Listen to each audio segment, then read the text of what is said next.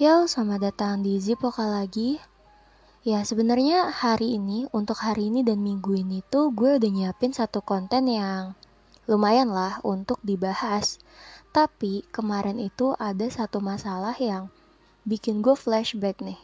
Sama masalah gue yang lalu-lalu gitu. Dan menurut gue ini tuh perlu banget dibahas untuk semua orang tahu gimana cara menghadapinya ataupun ciri-cirinya karena Sumpah, ini tuh marak banget di mana-mana. Jadi, waktu hari Sabtu itu gue gak bisa tidur. Terus akhirnya gue main HP kan tuh. Dan temen gue nih cerita sama gue nih. Pokoknya tuh gue flashback banget. Yaitu tentang toxic circle. Gimana sih ngomongnya toxic circle? Gue tuh kebiasaan nyebutnya toxic sampai akhirnya gue tahu kalau misalnya penyebutan yang bener itu adalah toxic jadi ya mohon maaf kalau misalnya nanti gue nyebutnya toxic karena bodo amat senyamannya gue aja. Toxic circle ini adalah keadaan ah kan gue nyebutnya toxic lagi. Toxic circle ini adalah keadaan di mana lingkungan lo itu membawa pengaruh negatif buat lo. Entah itu lingkungan pertemanan lingkungan keluarga atau hubungan lainnya kayak pacaran gitulah.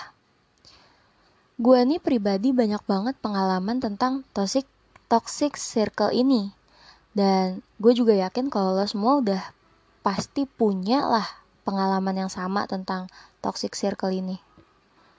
Gue gak perlu ngejelasin panjang lebar kali ya, nanti aja deh. Gue buatin satu podcast yang isinya itu cerita tentang pengalaman toxic circle gue sama orang-orang lain deh. Ya intinya, lingkup pertemanan gue dulu itu jelek banget. Gak bagus lah pokoknya. Mungkin di antara lo ada yang lagi capek sama lingkungan pertemanan atau hubungan perpacaran lo, ngerasa selalu salah. Ada nggak? Bisa jadi aja nih, lo lagi kejebak sama toxic circle ini. Eh, tapi lo perhatiin dulu nih, lo itu korban beneran atau jangan-jangan pelaku yang malah bikin lingkungan lo itu jadi buruk. Mau tahu nggak ciri-cirinya? Ya kalau misalnya lo nggak mau tahu juga sih bakal dibahas di sini. Ya udahlah intinya lanjut aja kali ya. Ciri-ciri atau tanda yang pertama ialah kompetisi.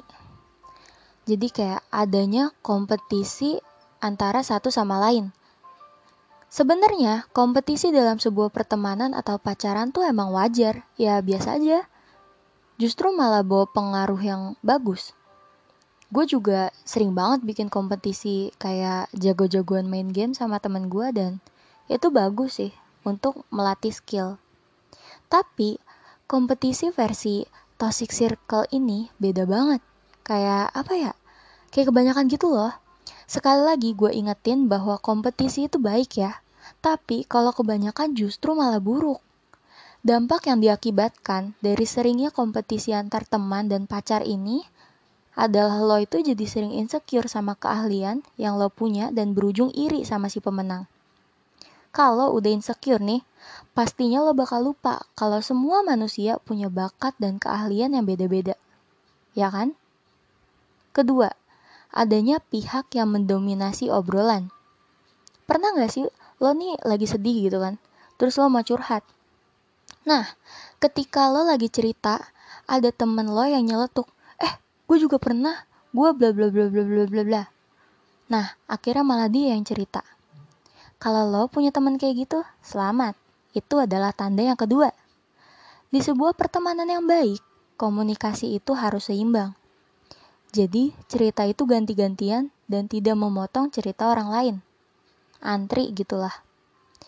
Kalau cuma mau didengar tanpa mau mendengar cerita orang lain, ya itu udah termasuk toxic sih. Oh iya, kalau ada temen lo yang tiba-tiba pergi nih, kayak misalnya lo lagi cerita nih, dia terus tiba-tiba kayak, eh gue mau ke kantin, atau enggak dia main HP, ya sibuk sendiri gitu, pas lo cerita, itu juga termasuk. Jadi saran gue, tinggalin aja dah daripada makan hati kan lo, stres. Yang ketiga, aduh bentar, duh gue sinus. Yang ketiga itu, hobi kritik.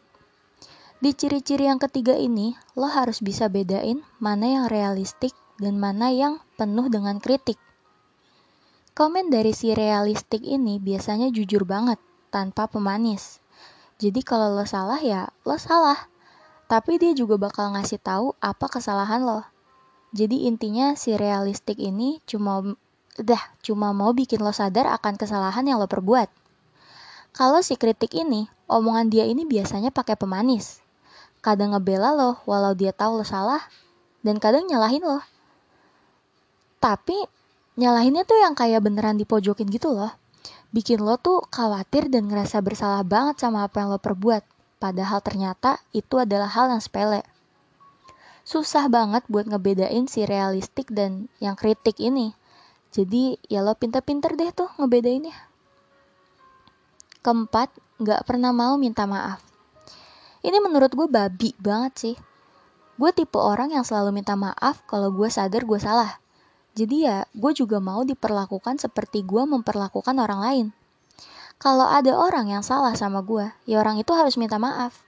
Baru gue bisa bersikap normal lagi sama dia.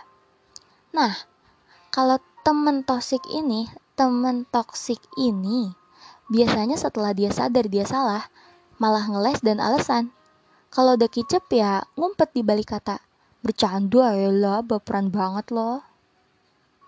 Kelima, posesif.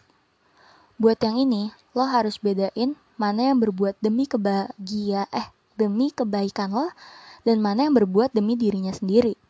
Contohnya nih, lo mau ke mall buat shopping, karaokean. Terus temen lo ini ngelarang karena besoknya lo ujian. Dan ngelarangnya ini tuh nggak maksa. Kayak gini contohnya. Jangan deh, mending lo belajar buat besok. Kan besok ujian tuh. Tapi ya terserah lo aja sih, yang penting gue udah ngingetin. Atau kayak gini. Jangan anjing, mending lo belajar. Besok nih ya, kalau nilai lo di bawah gue, gue gigit lo. Eh, tapi kalau nilai lo di atas gue, gue beliin susu deh. Nah itu bagus sih, baik lah menurut gue.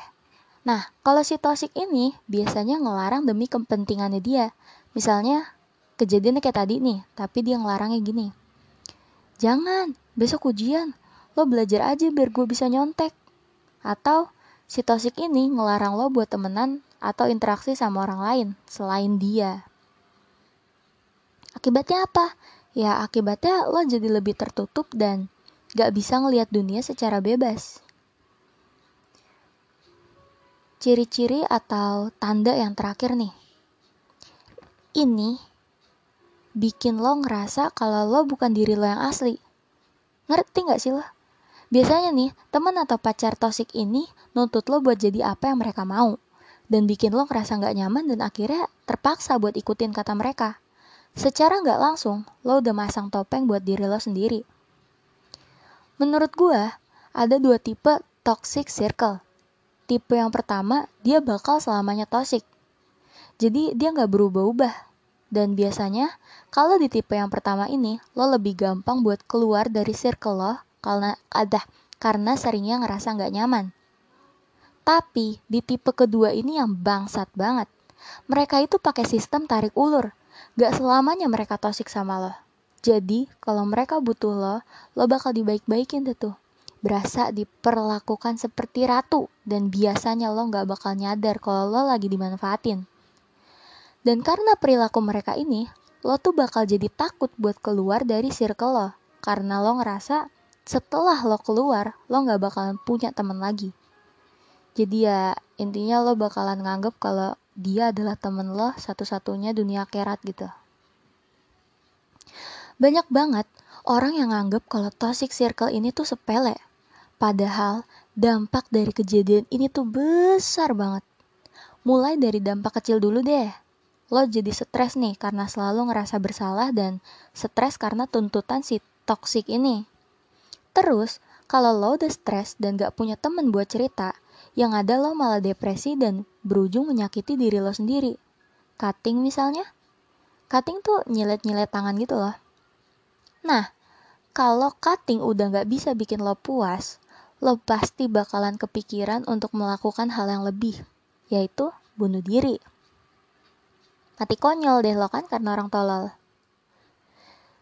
Jadi nih ya, jadi sebelum lo mati konyol, lo tuh harus hentiin semua penderitaan lo itu dengan cara keluar dari toxic circle itu. Caranya gimana sih? Banyak banget, banyak banget cara yang bisa lo pakai buat keluar dari toxic circle ini. Contohnya kayak batasin interaksi sama mereka. Menjauh pas menurut lo mereka itu udah jelek toxic gitu loh. Kayak kalau misalnya udah negatif nih, ah udah lu ke kantin atau ngapain kayak gitu. Terus juga lo itu harus belajar buat tegas dan harus menghilangkan rasa kasihan. Gue bukannya nyuruh lo buat jadi orang jahat yang gak ada kasihannya sama orang lain. Tapi lo harus pilih-pilih mana yang pantas dikasihanin dan mana yang pantas buat ditinggal, dipetok, dipukul, dibuang. Semua cara ini bakalan berlaku kalau lo cinta sama diri lo sendiri. Lo mikirin gimana ke depannya kalau lo masih bareng sama mereka. Orang-orang bodoh tosik ini. Meninggoy lo goblok. Dan yang paling penting, lakuin semuanya. Aduh motor. Berisik gak sih? Enggak. Dan yang paling penting, lakuin semuanya dengan teknik, jangan emosi. Oke? Okay? Bye-bye.